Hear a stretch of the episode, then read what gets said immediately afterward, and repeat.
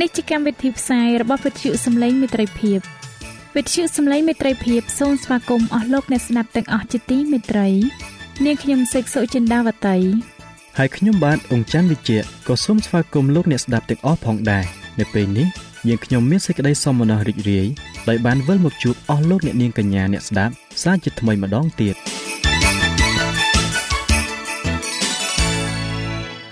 នាងខ្ញុំសេកសុចិន្តាវតី សូមជម្រាបជូនកម្មវិធីផ្សាយដែលមានជាបន្តបន្ទាប់ដូចតទៅនេតិជួបជាមួយព្រះបន្ទូលនេតិសុខភាពចា៎លោកអ្នកស្ដាប់ជាទីមេត្រី នាងខ្ញុំសូមគោរពអញ្ជើញអស់លោកលោកស្រី អ្នកនាងកញ្ញាតាមដានស្ដាប់កម្មវិធីផ្សាយរបស់វិទ្យុយើងខ្ញុំដូចតទៅ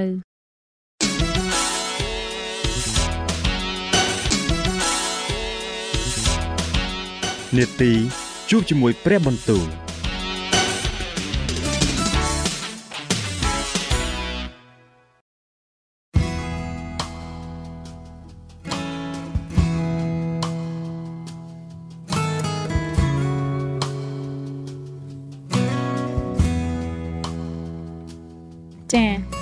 ស់លោកអ្នកស្ដាប់ជាទីមេត្រី ជាដំបូងនាងខ្ញុំសូមអញ្ជើញលោកអ្នកនាងស្ដាប់នេតិជួបជាមួយព្រះបន្ទូលនេតិនេះនឹងលើកយកព្រះបន្ទូល ពីព្រះគម្ពីររបស់ខ្សត្រទី2ដែលនឹងជម្រាបជូនដល់លោកអង្ចាន់វិជ្ជៈដូចតទៅ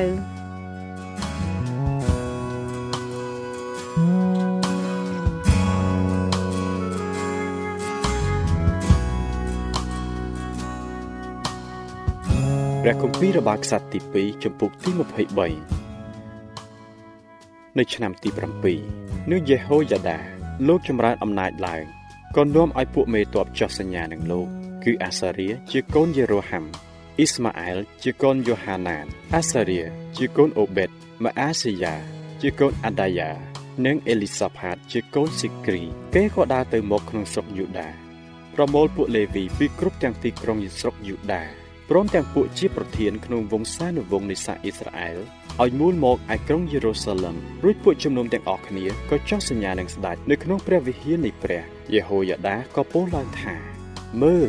ត្រូវឲ្យព្រះរាជបុត្រានៃស្ដេចបានសោយរីកឡើងដូចជាព្រះយេហូវ៉ាបានមានបន្ទូលឲ្យពីដំណើរពួកវង្សាដាវីតឯអ្នករាល់គ្នាត្រូវធ្វើយ៉ាងដូចនេះចំណែកពួកសងនិងពួកលេវីក្នុងពួកអ្នករាល់គ្នាដែលចូលមកនៅថ្ងៃឈប់សម្រាក នោះត្រូវឲ្យមួយភាគក្នុង3ចាំយាមនៅមាត់ទ្វារ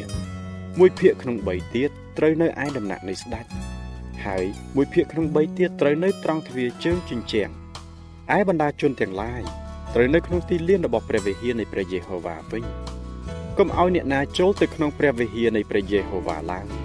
លើកតែពួកសង្ឃនិងពួកអ្នកដែលជាជំនួយដល់ពួកលេវីប៉ុណ្ណោះអ្នកទាំងនោះចូលទៅបានពីព្រោះគេបរិសុទ្ធទាំងអស់តែបណ្ដាជនទាំងឡាយ ត្រូវរក្សាបញ្ញានៃព្រះយេហូវ៉ាវិញត្រូវឲ្យពួកលេវីឈរព័ទ្ធជុំវិញស្ដេចដោយកាន់គ្រឿងសាស្ត្រាវុធគ្រប់គ្រប់គ្នាបើមានអ្នកណាចូលមកក្នុងព្រះវិហារនោះត្រូវសម្លាប់បងត្រូវឲ្យអ្នករាល់គ្នានៅជាប់នឹងស្ដេចនៅអស់វេលាដែលទ្រង់យាងចេញចូលដូច្នេះពួកលេវីនិងពួកយូដាទាំងអស់គ្នាក៏ធ្វើតាមបង្គាប់យេហូយ៉ាដាដោយជាសង្ឃគ្រប់ចម្ពោះគេនាំយកពួកគេរៀងខ្លួនទាំងពួកដែលត្រូវចូលនៅថ្ងៃឈប់សម្រាកនិងពួកដែលចេញនៅថ្ងៃឈប់សម្រាកដែរ ត្បិតយេហូយ៉ាដាដល់ជាសង្ឃលោកមិនឲ្យពួកវេណាឈប់ទេលោកប្រគល់លំពេងនិងខែលធំតូចជារបស់ស្ដេចដាវីតពីដើមដែលទុកនៅក្នុងព្រះវិហារនៃព្រះដល់ពួកមេតបរួចលោកដាក់មនុស្សទាំងអស់ឲ្យឈរព័ទ្ធនៅជុំវិញស្ដេចទាំងកាន់គ្រឿងសាស្ត្រាវុធរបស់គេរៀងខ្លួន ចាប់តាំងពីខាងស្ដាំព្រះវិហាររហូតទៅដល់ខាងឆ្វេងក្បែរអាសនានិងព្រះវិហារនោះគេនាំព្រះរាជបុត្រានៃស្ដេចចេញមក បំពាក់មកុដលើទ្រង់ហើយថ្វាយសេចក្តីបន្ទាល់ រួចតាំងទ្រង់ឡើងជាស្ដេចឯយេហូយ៉ាដា និងពួកកូនលោកក៏ចាក់ប្រេងថ្វាយទ្រង់ហើយពោលថា សូមឲ្យព្រះរាជាបានប្រកបដោយសេចក្តីចម្រើនចុះលុះកាលព្រះនាងអាថាលីបានលឺសូរអឹងកងពីពួកបណ្ដាជនដែលរត់ទៅមកទាំងសរសើរដល់ស្ដេចនោះព្រះនាងក៏យាងចូលទៅឯគេក្នុងព្រះវិហារនៃព្រះយេហូវ៉ាព្រះនាងតូបទៅឃើញស្ដេចទ្រង់ឈរនៅលើទីថ្កល់ត្រង់ផ្លូវចូលព្រមទាំងពួកមេតបនិងពួកផ្លុំត្រែនៅអមទ្រង់ ឯពួកអ្នកស្រុកទាំងអស់គ្នា គេមានសេចក្តីអំណរហើយផ្លុំត្រែឡើងពួកចម្រៀងក៏កាន់ប្រដាប់ភ្លេង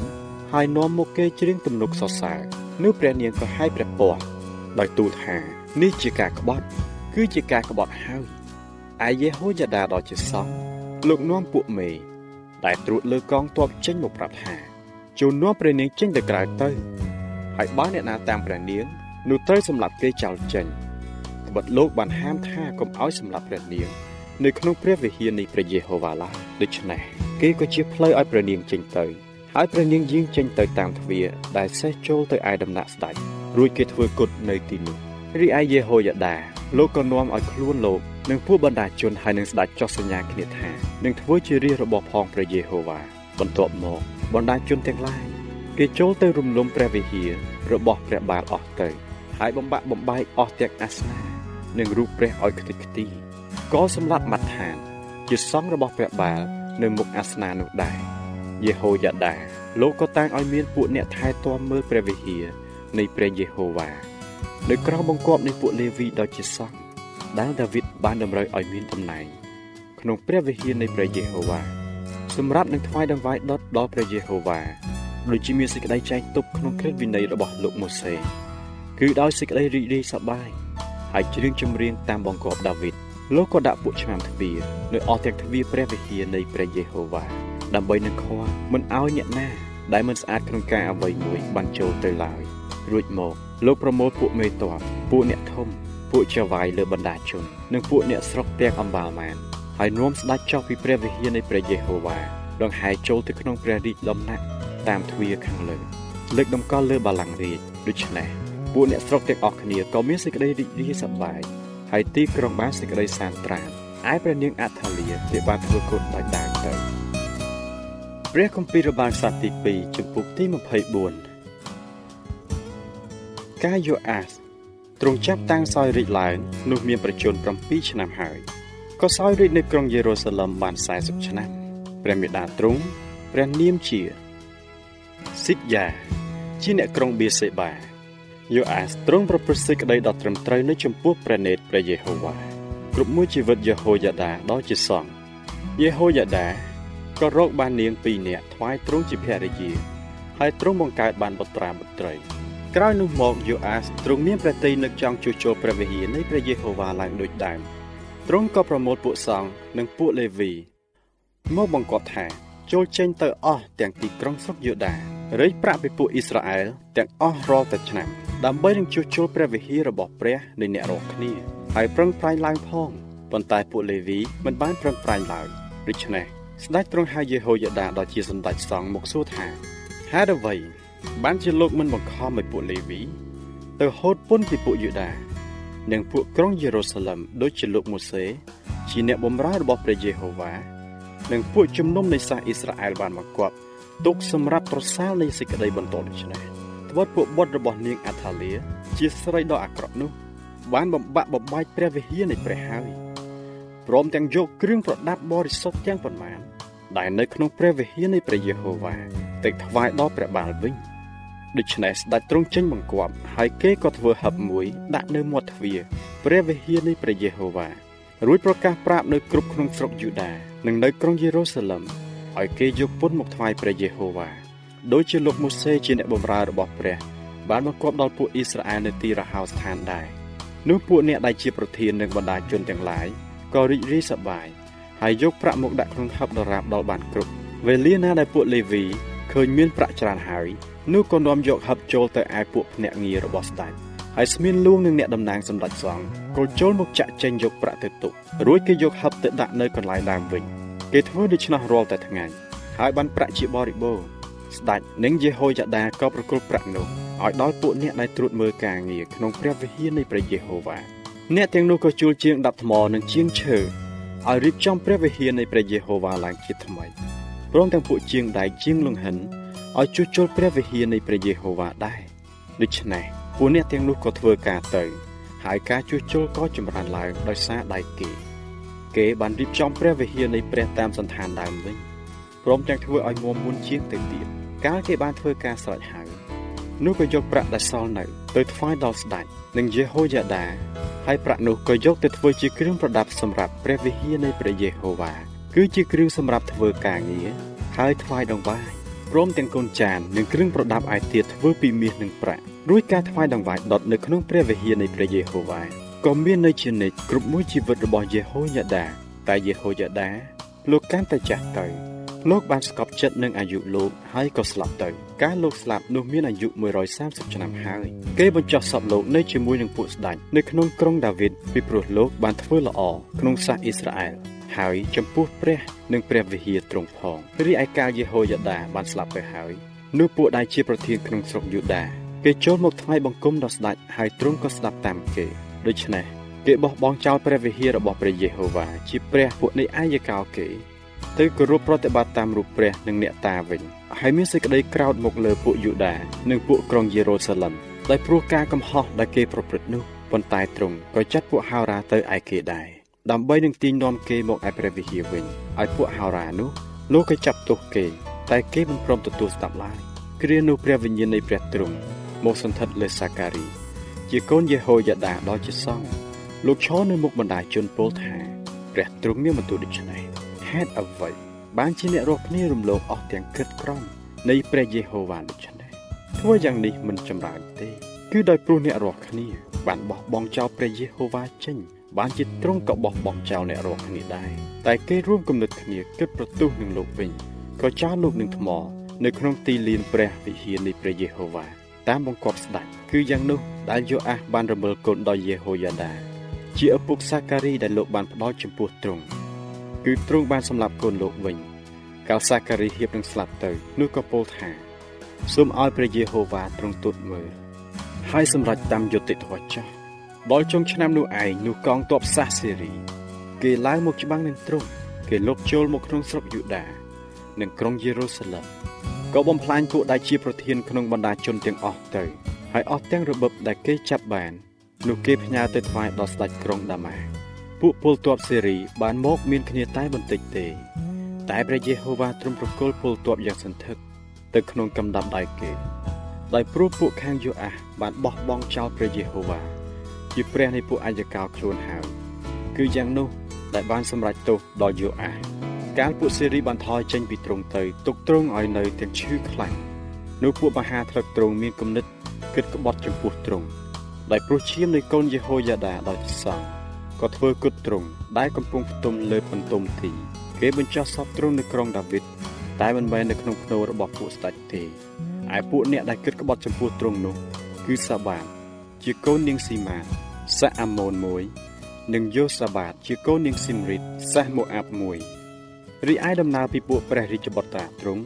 នឹងបន្ទុកយ៉ាងធ្ងន់ដែលបានពោលពីទ្រង់ព្រមទាំងការតាំងព្រះវិហារនៃព្រះឡើងជាថ្មីផងនោះសុទ្ធតែបានកត់ទុកនៅក្នុងសិភៅបរិយាពីពួកស្ដេចហើយអាម៉ាស៊ីយ៉ាជាព្រះរាជបុត្រាក៏ឡើងសោយរាជជំនួសព្រះបិតាចា៎ប្រិយមិត្តអ្នកស្ដាប់ជាទីមេត្រី ដោយពេលវេលាមានកំណត់ យើងខ្ញុំសូមផ្អាកនាទីជប់ជាមួយព្រឹបបន្ទូលនេះ ត្រឹមតែប៉ុណ្ណេះសិនចុះដោយសន្យាថានឹងលើកយកនីតិនេះមកជម្រាបជូនជាបន្តទៀតនៅថ្ងៃស្អែកសូមអរគុណ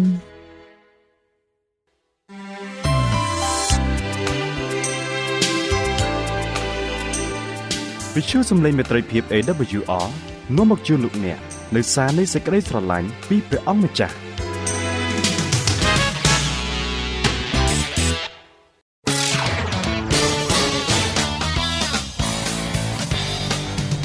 សូមជូន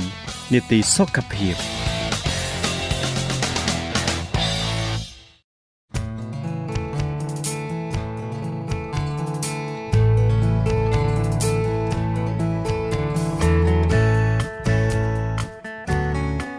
ា៎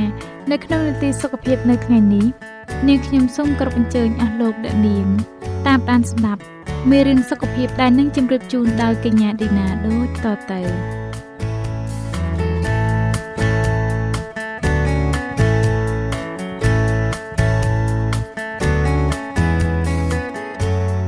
ចា៎នាងខ្ញុំសូមជម្រាបសួរអស់លោកអ្នកស្ដាប់ជាទីមេត្រី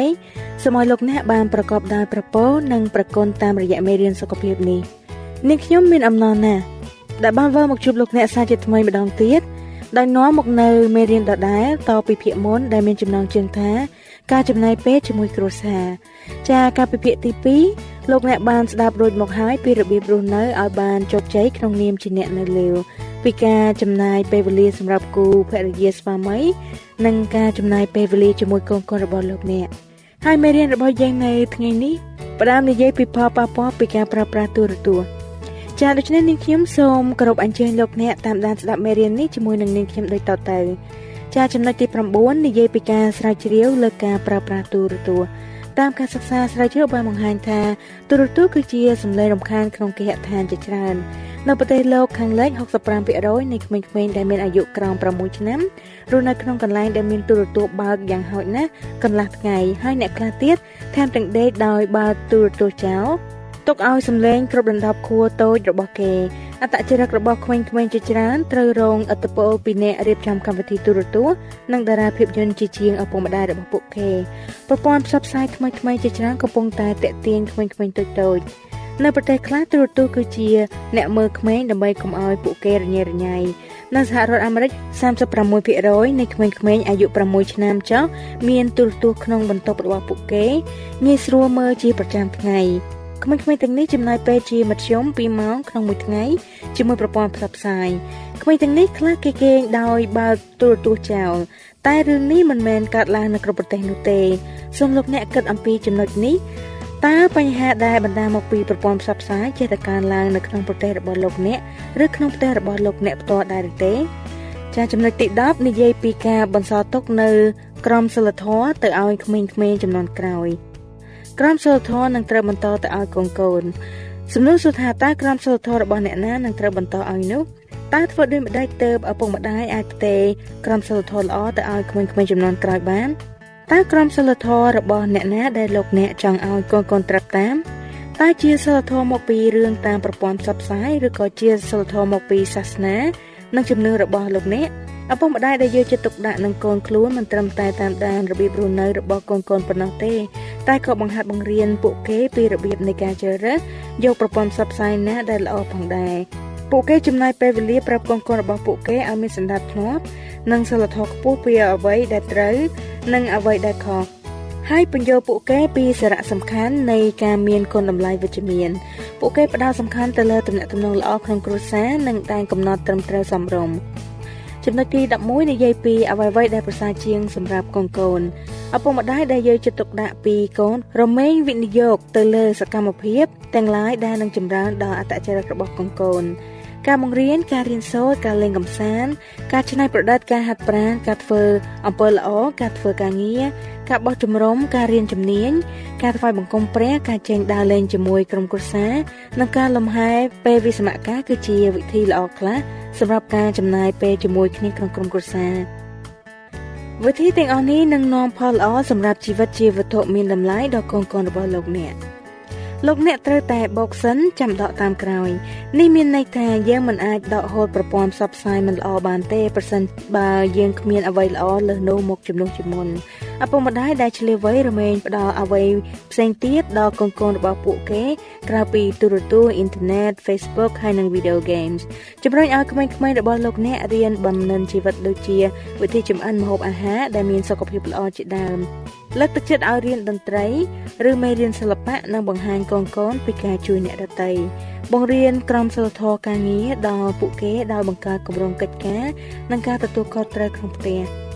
ទៅទស្សនាមន្ទីរ និងចូលរួមក្នុងការងាររបស់គ្រួសារដោយក្តីរីករាយមានការងារដែលផ្ដល់បទពិសោធន៍ល្អៗជាច្រើនដែលអាចធ្វើបានជាលក្ខណៈគ្រួសារប្រកបដោយក្តីរីករាយមានឪពុកម្នាក់យល់ថាកូនប្រុសប្រុសរបស់គាត់កំពុងតែចំណាយពេលច្រើនពេកទៅលើទូរទស្សន៍និង video games គាត់សញ្ជឹងគិតយ៉ាងដូចនេះថាបើខ្ញុំដកយកទូរទស្សន៍ចេញពីពួកគេខ្ញុំត្រូវតែមានអ្វីផ្សេងដែលប្រសើរជាងនេះមកជំនួសវិញទៅបាន អ្វីដែលប្រសើរជាងនោះខ្ល้ายទៅជាការសង់ទុកមួយរួមគ្នាជាគ្រួសារដែលក្រោយមកនាំឲ្យពួកគេធ្វើដំណើរផ្សងព្រេងតាមទឹកទៅកន្លែងផ្សេងៗជាច្រើនលើពិភពលោកនេះគ្រួសារមួយទៀតបានសង់បន្ទប់នៅក្នុងភ្នំ ការសាងសង់នោះចំណាយពេលអស់ជាង10ឆ្នាំហើយកូនកូនប្រុសរបស់គេរៀនបានជំនាញថ្មីដែលអាចទុកជាបទពិសោធន៍ក្នុងការសាងសង់នាពេលអនាគតលោក Ben Carson ជាគ្រូពេទ្យវះកាត់ខួរក្បាលដ៏ល្បីល្បាញម្នាក់ដែលមានម្ដាយជាប្រភេទម្ដាយដែលយកចិត្តទុកដាក់នឹងកូនហើយរំពៃទៅលើរឿងអ្វីដែលចូលទៅក្នុងខួរក្បាលរបស់កូនគាត់ថ្ងៃមួយគាត់ប្រាប់ Ben Carson និងបងប្រុសរបស់គាត់ថាកូនឯងទាំងពីរមើលទូរទស្សន៍ច្រើនពេកហើយចាប់ពីពេលនោះមក គាត់កំណត់ឲ្យកូនកូនមើលតែ3ប៉ុស្តិ៍ប៉ុណ្ណោះក្នុងមួយសប្តាហ៍អ្នកម្ដាយរូបនេះដែលមិនសូវទាំងចេះអានអក្សរខ្លួនឯងផង បានបញ្ជូនកូនកូនរបស់គាត់ឲ្យទៅអានសិភៅក្នុងបណ្ណាល័យសាធារណៈមួយឲ្យបានយ៉ាងហោចណាស់ពីក្បាលក្នុងមួយសប្តាហ៍មកទល់គ្នានឹងពេលដែល Bencoson ចូលរៀនថ្នាក់ទី7គាត់គឺជាសិស្សពូកែជាងគេនៅក្នុងថ្នាក់ចំណុចទី11គំនិតគួរពិចារណាទៅការណែនាំស្ដីអំពីការប្រើប្រាស់ប្រព័ន្ធផ្សព្វផ្សាយ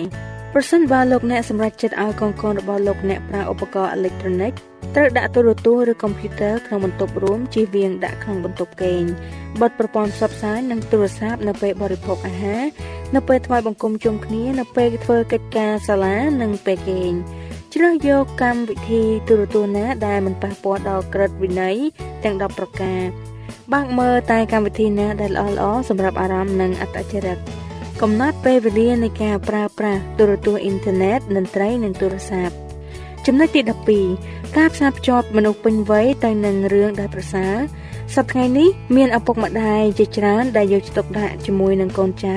ហើយនាំមកវិញនៅភាពប្រសើរក្នុងជីវិតរបស់កូនកូនអាយុត្រឹមតែ15ឆ្នាំសោះនាងអាណាចេះដុតនំប៉័ងឈ្ងុយឆ្ងាញ់គ្រប់ប្រភេទចេះចម្អិនអាហារបួសយ៉ាងប៉ិនប្រសប់ដោយប្រើឬមិនប្រើក្បួនចម្អិនក្តី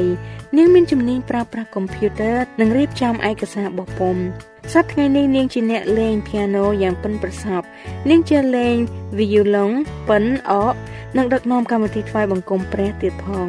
នាងអាណាជាក្មេងស្រីដែលមានអត្តចរិតសុភាពរាបសារសុទ្ធិនិយម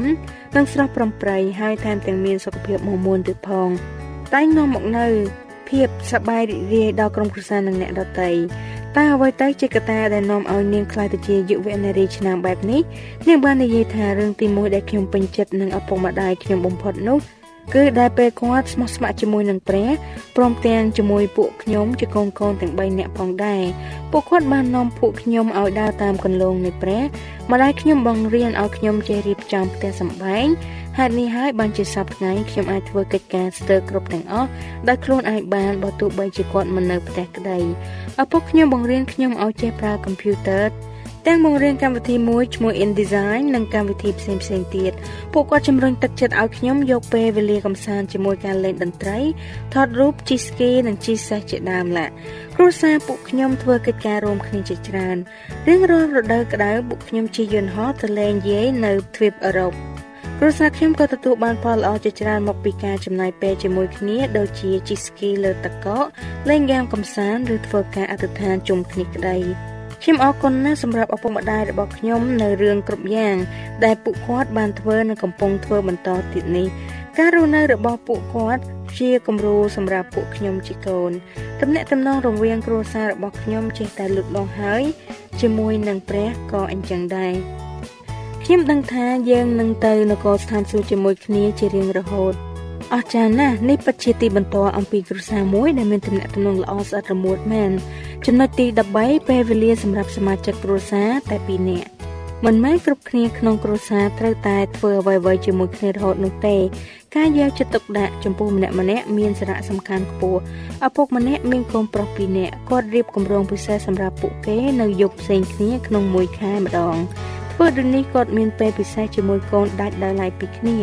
ដោយឡែកគ្រួសារផ្សេងមួយទៀតកូនប្រុសវ័យជំទង់ជាអ្នកយកសម្បត្តិទៅម្ដាយទុកជាកាដូថ្ងៃខួបកំណើតហើយនាំម្ដាយទៅបរិភោគអាហារនៅក្នុងភោជនីយដ្ឋានល្អលើគេមួយក្នុងក្រុងពេលទៅដល់មុខហាងម្ដាយនិងកូនឈប់នៅនឹងមុខទ្វារចូលហើយហុចសោឡានឲ្យអ្នកចតឡានរួចកូនប្រុសនាំម្ដាយទៅទទួលទានអាហារអ៊ីតាលីយ៉ាងពិសេស ពេលវេលាដ៏មានន័យអាចជារយៈពេលខ្លីសូម្បីតែការផ្ដោតអារម្មណ៍ពី5ទៅ10នាទីក៏អាចផ្ដល់ជាសារថាលោកអ្នកយកចិត្តទុកដាក់ដែរអ្នកម្ដាយអាចបញ្ឈប់រាល់សកម្មភាពដ៏មមាញឹករបស់គាត់ដើម្បីអង្គុយនៅលើគ្រែជាមួយកូនខណៈដែលកូនស្រីរបស់គាត់រៀបរាប់ប្រាប់អំពីការប្រកបអក្សរលោកឪពុកអាចយកពេលពី3នាទីបន្ទាប់ពីអាហារល្ងាចរួចទៅលេងបាល់ជាមួយកូនប្រុសខ្លួន ចំណុចទី14ពេលវេលាសម្រាប់គ្រួសារទាំងមូលការសិក្សាបានបង្ហាញថាកូនកូនដែលលូតលាស់ក្នុងផ្ទះដែលទទួលបានអារម្មណ៍វិជ្ជមានពីផ្ទះមានអារម្មណ៍ថាពួកគេជាផ្នែកមួយនៃគ្រួសារ ពេលដែលពួកគេដឹងថាពួកគេមានតម្លៃពួកគេអាចរៀនសូត្របានពូកែមានជំនឿចិត្តលើខ្លួនឯងខ្ពស់ហើយមានអាពាហ៍ពិពាហ៍ជោគជ័យភាគច្រើនតើកត្តាជាក់លាក់ណាមួយដែលនាំឲ្យក្រុមគ្រួសារមានសុភមង្គលគេចោទសួរសិស្សសាលាចំនួន1500នាក់ឲ្យប្រាប់ពីកត្តាដែលធ្វើឲ្យក្រុមគ្រួសារមួយមានសុភមង្គលចម្លើយដែលទទួលបានភាគច្រើនគឺធ្វើកិច្ចការរួមគ្នាជាគ្រួសារការចំណាយពេលជាមួយគ្នាគឺជាភាសានៃក្តីស្រឡាញ់ ចាមានលោកយាយម្នាក់សួរទៅចៅស្រីគាត់ថាអ្វីទៅដែលធ្វើឲ្យចៅស្រីមានអារម្មណ៍ដឹងពីក្តីស្រឡាញ់នាងតបថាខ្ញុំបានទទួលអារម្មណ៍ពីក្តីស្រឡាញ់នៅពេលដែលមានលោកយាយធ្វើអ្វីៗជាមួយខ្ញុំ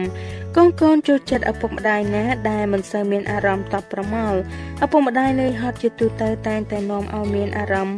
មិននឹងណោតានតឹងនិងមិនសប្បាយចិត្តនៅក្នុងផ្ទះការយកពេលមួយផ្លែតដើម្បីសម្រាកហើយចំណាយពេលឲ្យមានន័យនៅជាមួយកូនកូន គឺជាការបំពេញនៅតម្រូវការរបស់ពួកគេព្រមទាំងបង្កើតឲ្យមានបរិយាកាសគ្រួសាររីករាយ ការវិនិយោគទៅលើគ្រួសារនឹងទទួលបានកម្រៃមកវិញជាច្រើនបើមានការខ្វះខាតលុយកាក់ការដើរកំសាន្តបែបថ្លៃថ្លៃទំនងជាមិនអាចធ្វើបានទេតែលោកអ្នកអាចគិតគូរបង្កើតគម្រោងកំសាន្តតូចមួយនៅឯសមុទ្រទៅទស្សនាសួនសត្វជប់លៀងនៅខាងក្រោយផ្ទះដើរកំសាន្តតាមជើងភ្នំឬជិះស្គីនៅក្បែរផ្ទះក៏បាន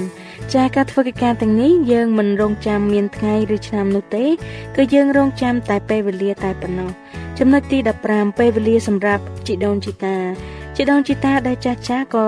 នៅតែត្រូវការពេលវេលាជួបជុំជាមួយក្រុមគ្រួសារដែរជីដូនជីតាខ្លះរវល់ដើរហើរច្រើនឬចំណាយពេលរៀនអ្វីប្លែកៗគួរឲ្យចាប់អារម្មណ៍ដើម្បីដាស់សតិអារម្មណ៍របស់ពួកគាត់ឡើងវិញតែខ្លះទៀតនៅផ្ទះតែម្នាក់ឯងឬក៏ស្នាក់នៅមណ្ឌលចាស់ជរាពួកគាត់ឯកោណាស់គួរអោបគាត់ឲ្យបានច្រើន ចាប់ដៃឬលាបលេលើដៃជើងឲ្យគាត់ សរសេរសម្បត្តិទៅឲ្យពួកគាត់ ធ្វើកិច្ចការណាដែលលំបាកសម្រាប់ពួកគាត់ការនេះនឹងធ្វើឲ្យពួកគាត់មានអារម្មណ៍ប្រសើរឡើងចំណាយពេលជាមួយក្រុមគ្រួសារនាំឲ្យមានសុខភាពល្អផ្លូវចិត្តប្រៀបបានទៅនឹងថ្នាំបន្សាបភាពឯកាកាត់បន្ថយអារម្មណ៍នៅកណ្ដោយកណ្ដែងហើយក៏អាចនាំឲ្យសុខភាពផ្លូវកាយនិងផ្លូវចិត្តរបស់ពួកគេបានប្រសើរឡើងវិញវាធ្វើឲ្យសមាជិកគ្រួសារមានអារម្មណ៍ជាប់នៅជាមួយគ្នា មានសុវត្ថិភាពហើយនៅតែអាចស្រឡាញ់និងឲ្យតម្លៃគ្នាទៅវិញទៅមកបើទោះបីជានៅពេលចាស់ទៅក្តីចាខាងក្រោមនេះជាឧទាហរណ៍មួយទៀតដែលនិយាយអំពីគ្រួសារមួយ ដែលតែងតែទៅលេងជីដូននៅឯចំការយ៉ាងទៀងទាត់ថ្មីថ្មីនេះពួកគេបានមកជួបជុំគ្នាដើម្បីប្រារព្ធធ្វើពិធី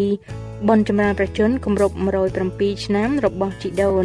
ស្របពេលដែលពួកគេនាំសេចក្តីត្រេកអរទៅឲ្យគាត់ពួកគេផ្ទាល់ក៏ទទួលបានពរជាច្រើនដែរនៅពេលដែលលោកអ្នកគោរពកោតខ្លាឪពុកម្ដាយនិងជីដូនជីតា នោះព្រះក៏នឹងប្រទានពរឲ្យនិងសន្យាឲ្យអ្នកមានអាយុវែងផងដែរ